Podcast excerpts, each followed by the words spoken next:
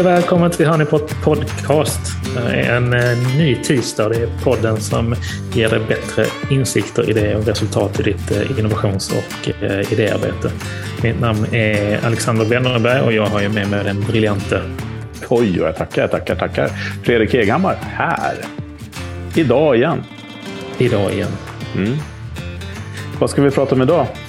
Idag så ska vi prata om test och beslut. Och det låter ju eh, lite, eh, låter lite torrt. Gör det?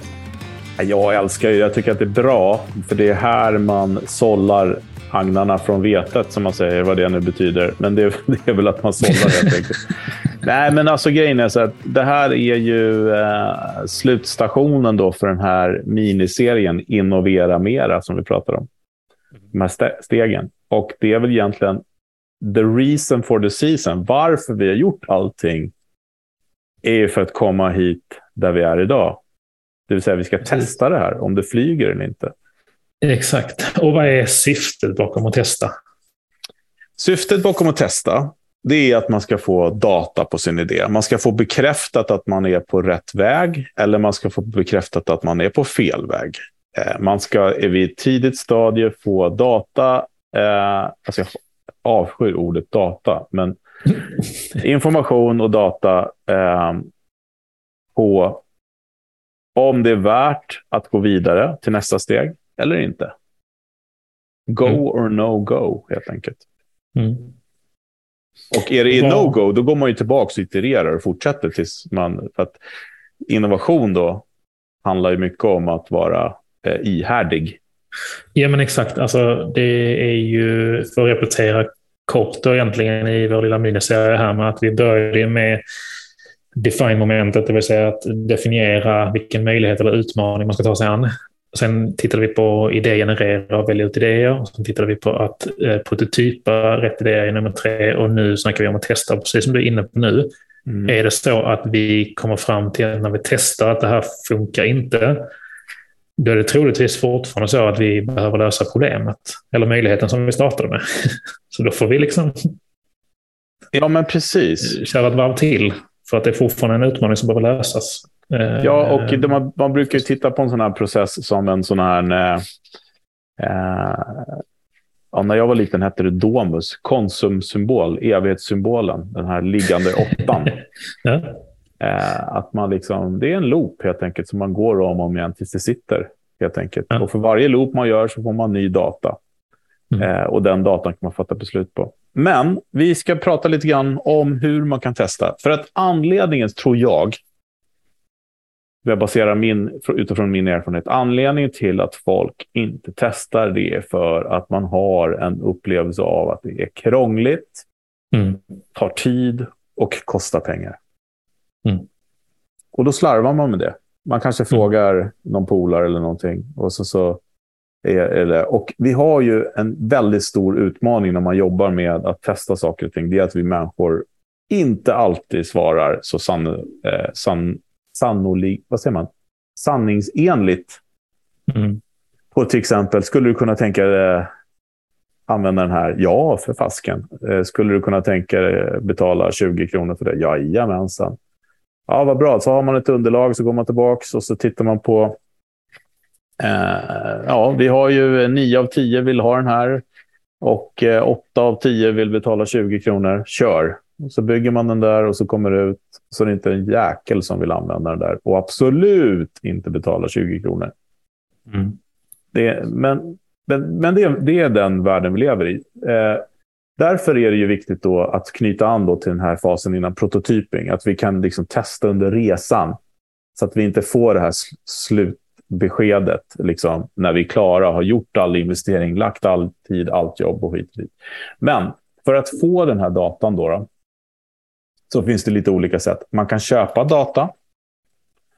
Eh, och man kan titta på trender som pågår i världen eller behov som finns eller eh, undersökningar som har gjorts hit och dit. Och det är jättebra riktningar. Men jag skulle nästan vilja dra mig så hårt till att säga att det kommer inte hjälpa dig särskilt mycket för din produkt och tjänst som du tar fram. Det kan ge indikationer på trender eller eh, rörelsemönster eller beteenden och så vidare. Absolut. Men... Om man vet att man ska ta fram en, eh, en uh, mjölkprodukt i Finland så, är, så kan det ju vara bra att veta att där är nästan alla laktosintoleranta.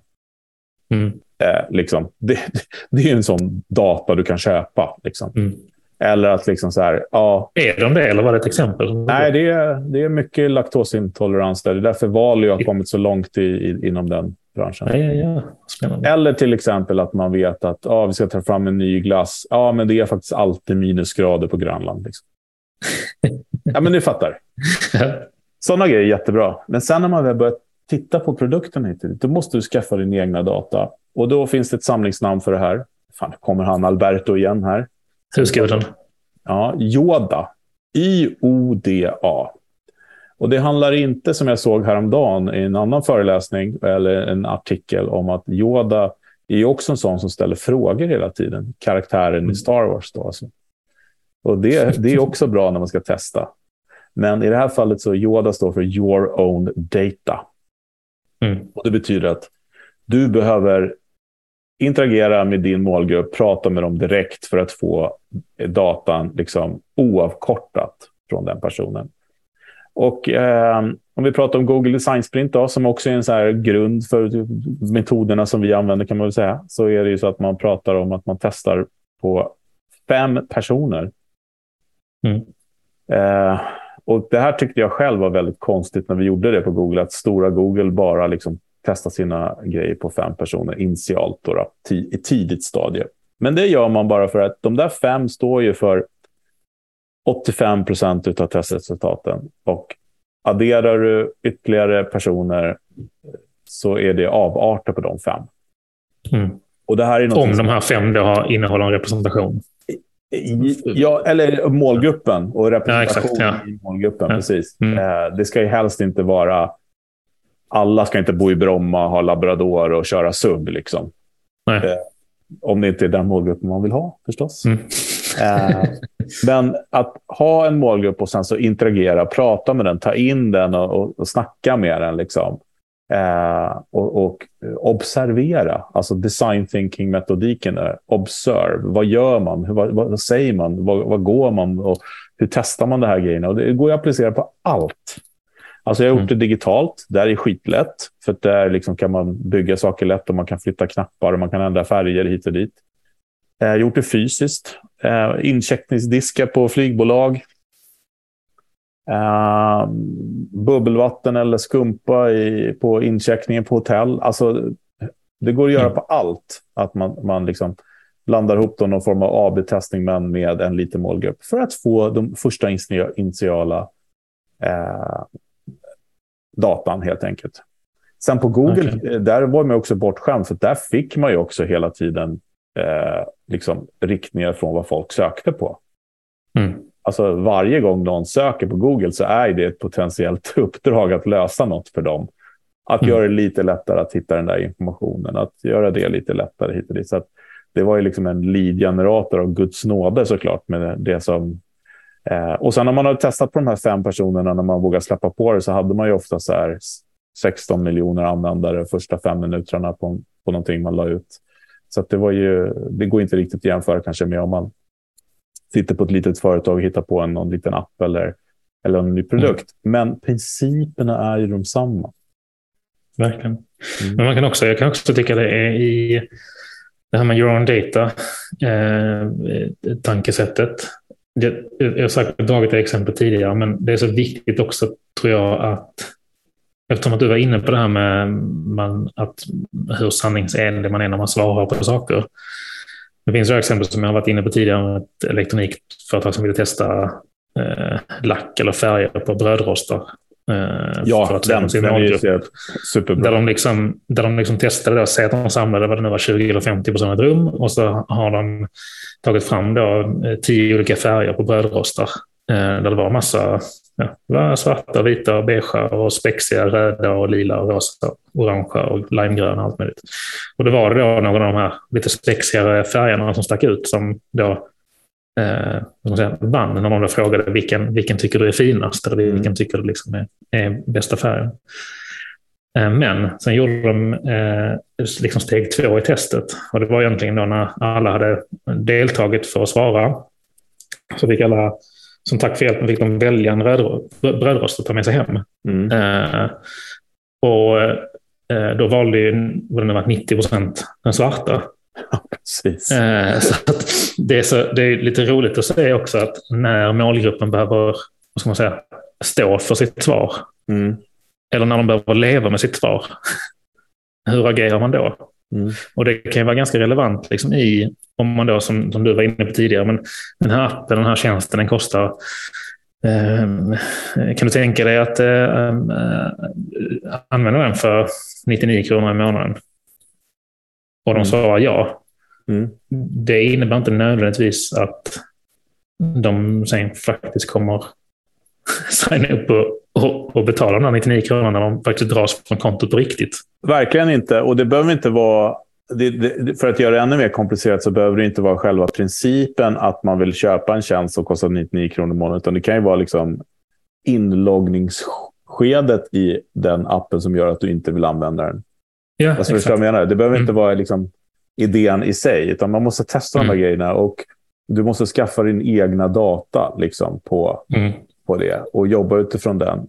Eh, och det här gör man ju väldigt lätt och bra i, när man jobbar med, eh, ja, med workshops till exempel, eller sprintar som vi kallar det, och jobbar mm. med design thinking och bjuder in den här gruppen och har dem på plats och tittar med vad finns det för hinder med, med de här produkterna och möjligheter då till exempel. Och vad tycker ni att vi ska lösa eller vad behöver ni liksom och eh, utgå från, från det då, då? För att också då, eh, klassikern när jag är ute och föreläser mycket, att det är alltid någon som säger när jag pratar om design thinking att ja, men hade, hade Henry Ford frågat vad folket ville ha så hade de ju sagt starkare hästar.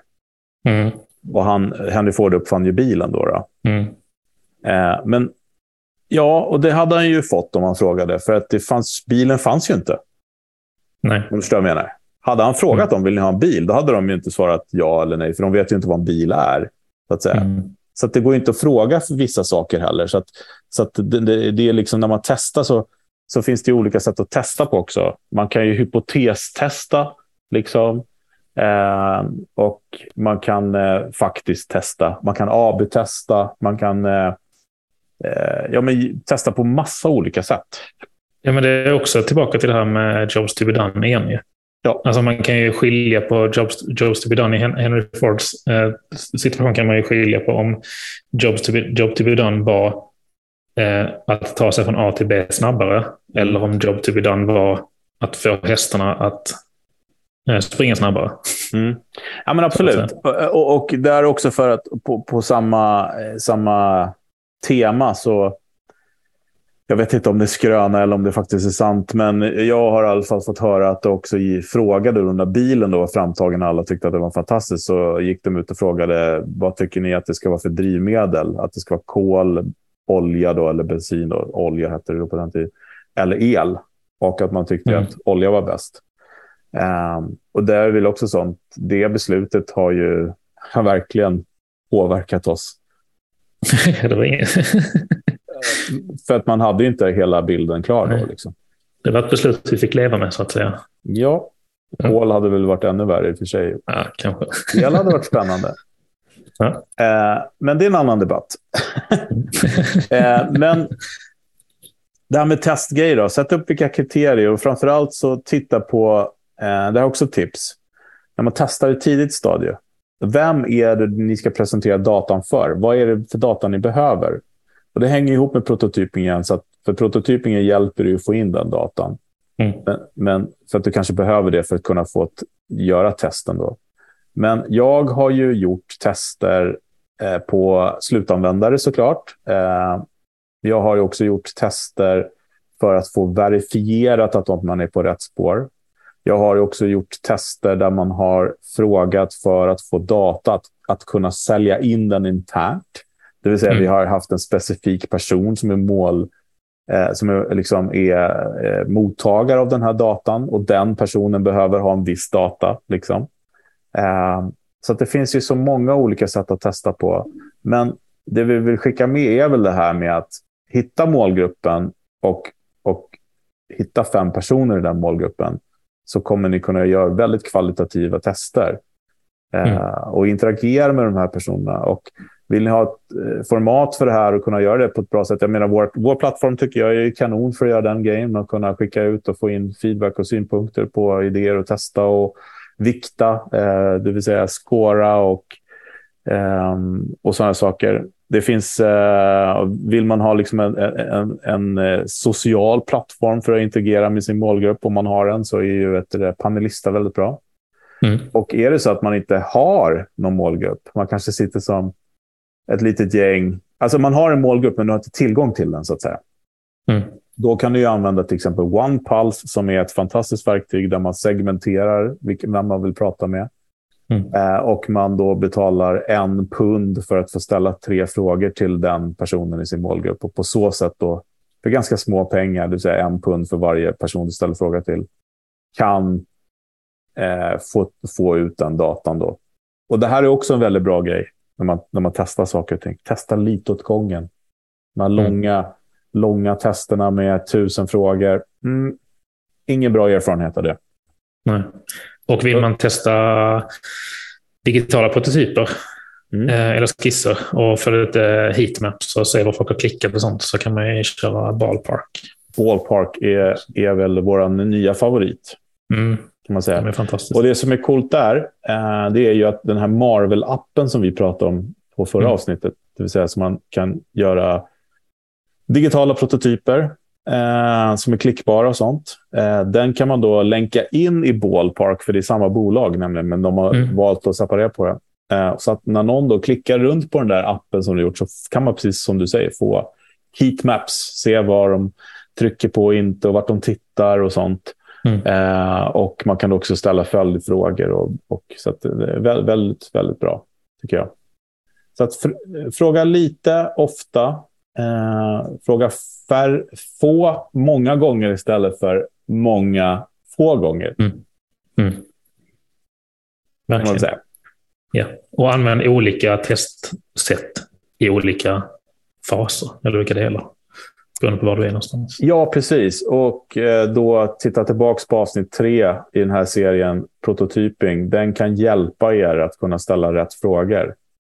Eh, och det, det är också en sån grej. Bara, jag, många, många, många gånger har jag gjort prototyper. Mm. Men jag har inte valt att använda prototypen när jag testar. Nej. Utan prototypen har jag gjort för att jag ska kunna utifrån den ställa frågor. Ja, det är värt att poängtera. Alltså man, man kan göra en prototyp för att man själv ska ha underlag för att exempelvis göra en Google Forms-enkät. ja, exakt. Så har jag gjort många gånger. Mm. Eller ställt eller på Facebook eller då OnePulse som är mm. favoritverktyget. Eh, finns tyvärr inte på svenska marknaden än, men den finns i England. Eh, så har man produkter som man kan testa på engelsk publik. Så eh, mm. det är jätte, jättebra. Mm. Det var dagens tips på test. Det tycker jag. Mm. Eh, ja. Alexander Åseby. Eh, han, han ringer, igen. Han ringer. Han ligger på luren. Han ligger på luren. Ja, här kommer han. Här kommer han. Ja, tjena. Det är Alex här. Eh, jag har en liten fundering. Eh, jag har, hade ett fantastiskt möte idag med eh, en av våra internationella kunder. De är i eh, Eh, Sydostasien, 90 000 anställda, eh, olika tidszoner och så. Och då tänkte jag på eh, hur färdas egentligen, vad är era erfarenheter av idéer och hur de färdas över olika språk?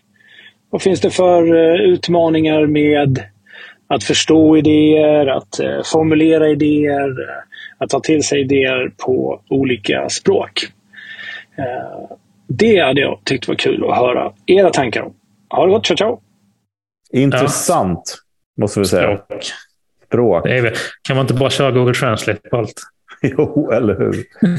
eh, nej, men jag vet inte riktigt. Jag har inget bra svar på det där. Jag skulle väl liksom initialt säga att eh, kör allt på engelska så blir det absolut bäst. Eller enas ja. om ett så company language. Annars kan det bli riktigt stökigt. Ja, men jag skulle säga alltså de flesta internationella bolag, eller de flesta ska jag inte säga, det är inte så att jag har jobbat i hundra stycken sådana, men det är väl många som har ett, eh, ett, ett, ett company, eller ja, företagsspråk internationellt. Att man kanske enas om att engelska är kommunikationen mellan eh, när man pratar så att flera länder ska, ska bestå. Men jag tänker väl också lite grann, en tanke jag fick när, när han ställde frågan här var att eh, eh, det, alltså det här med språk, alltså nyanserna i olika språk är ju såklart superviktiga ja. för att ett ord kan betyda och ha in, alltså i olika meningar har det olika sammanhang av nyanser och betydelse. Mm. Det är klart sånt är jätteviktigt, men en tanke som slog mig också var just återigen tillbaka till det här med formatet. Mm. Alltså har man, ett, har man ett gemensamt format att skriva in eller presentera eller eh, lägga in idéer på, mm så minskar man åtminstone sannolikheten att det blir Ja, uh, precis. Eh, och sen kan man väl tänka sig så här att uh, ska man då...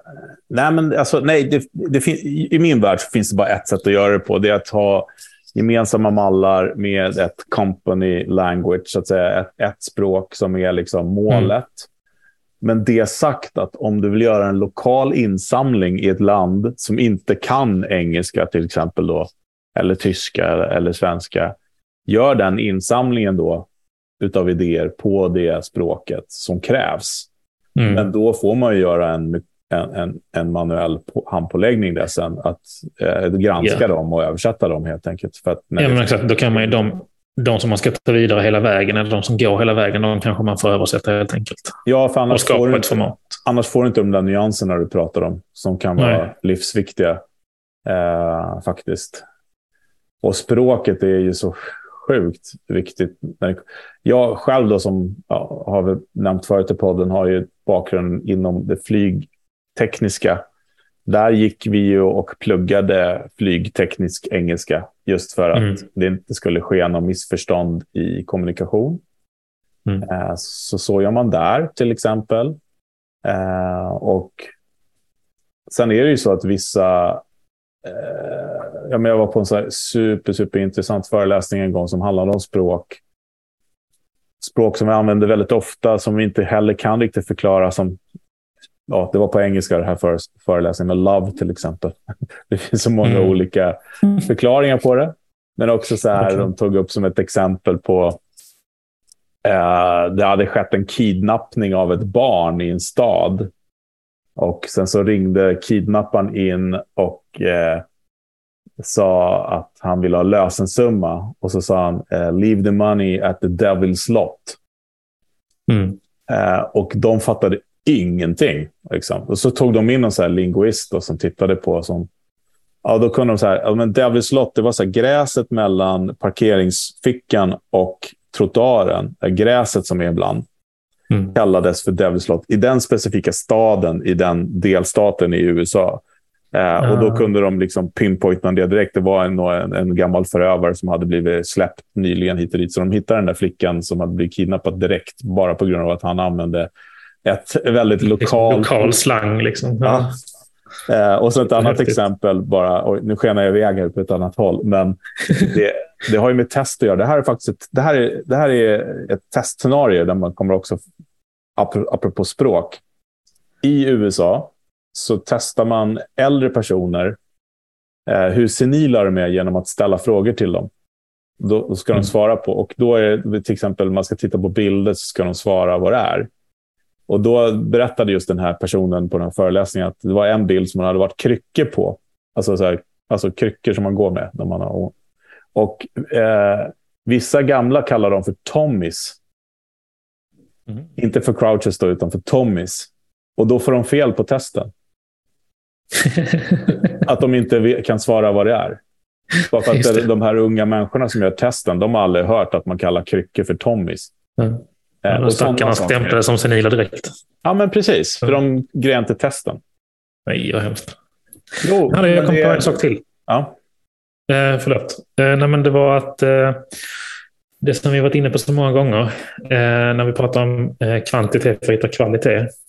Eh, alltså när man samlar in idéerna det är inte nödvändigtvis, som vi har varit inne på flera gånger, det är inte nödvändigtvis samma person som lämnar in en idé som är den som kanske ska utveckla den eller jobba vidare med den. Nej, det är verkligen inte. Jag menar, det handlar ju också om att kanske i ett tidigt skede just, alltså, ställer ni mindre krav på liksom vad som ska in i post-it-modet. Mm. Så kanske det är fler som kan delta också utan att vara experter på... Liksom, ja, men det var det jag menade med att man, det var det jag menar, att man får liksom anpassa sig till det man vill ha in. Ja, ja, är, det, är det viktigt att det är på ett lokalt språk eh, mm. så gör det. Och det, det finns mm. inga genvägar helt enkelt. Och sen så får man mm. helt enkelt eh, utifrån det sen eh, tolka det. Ja, men exakt. Mm. Så det var så att enas om ett format, kriterier och ett språk då, då om man är ett multi-internationellt bolag. Det kan vara användbart. Mm. Mycket användbart. Härligt. Jag hoppas det var eh, lite tankar och svar på, eller hjälp på den situationen. Ja. Och eftersom dagens ämne är testa och fatta beslut så testa er fram vilket språk som funkar bäst. Exakt. och hör av er ifall ni vill ha, eh, prata mer om de här ämnena eller om ni vill testa Hives eh, som verktyg för att samla in idéer eller samla in feedback eller testsvar. Eh, och så ni hittar oss på hives.co eller så får mm. ni höra av er till mig eller Fredrik på LinkedIn. Eller mig. Ja, precis. Verktyget, det är ju liksom därför vi kör den här mycket också. Att förklara liksom hur man ska jobba på det här sättet och vårt verktyg stödjer ju allting som vi pratar om. Eh, vill man jobba fysiskt så kan man också höra av sig så kan vi komma och göra mm. designsprintar, workshops eller vad man nu vill kalla det. Precis. Mm. Hör av er. Vad kul. gör ni. Tack för idag. Ja. Vi ses nästa tisdag. Hej, hej. Bye.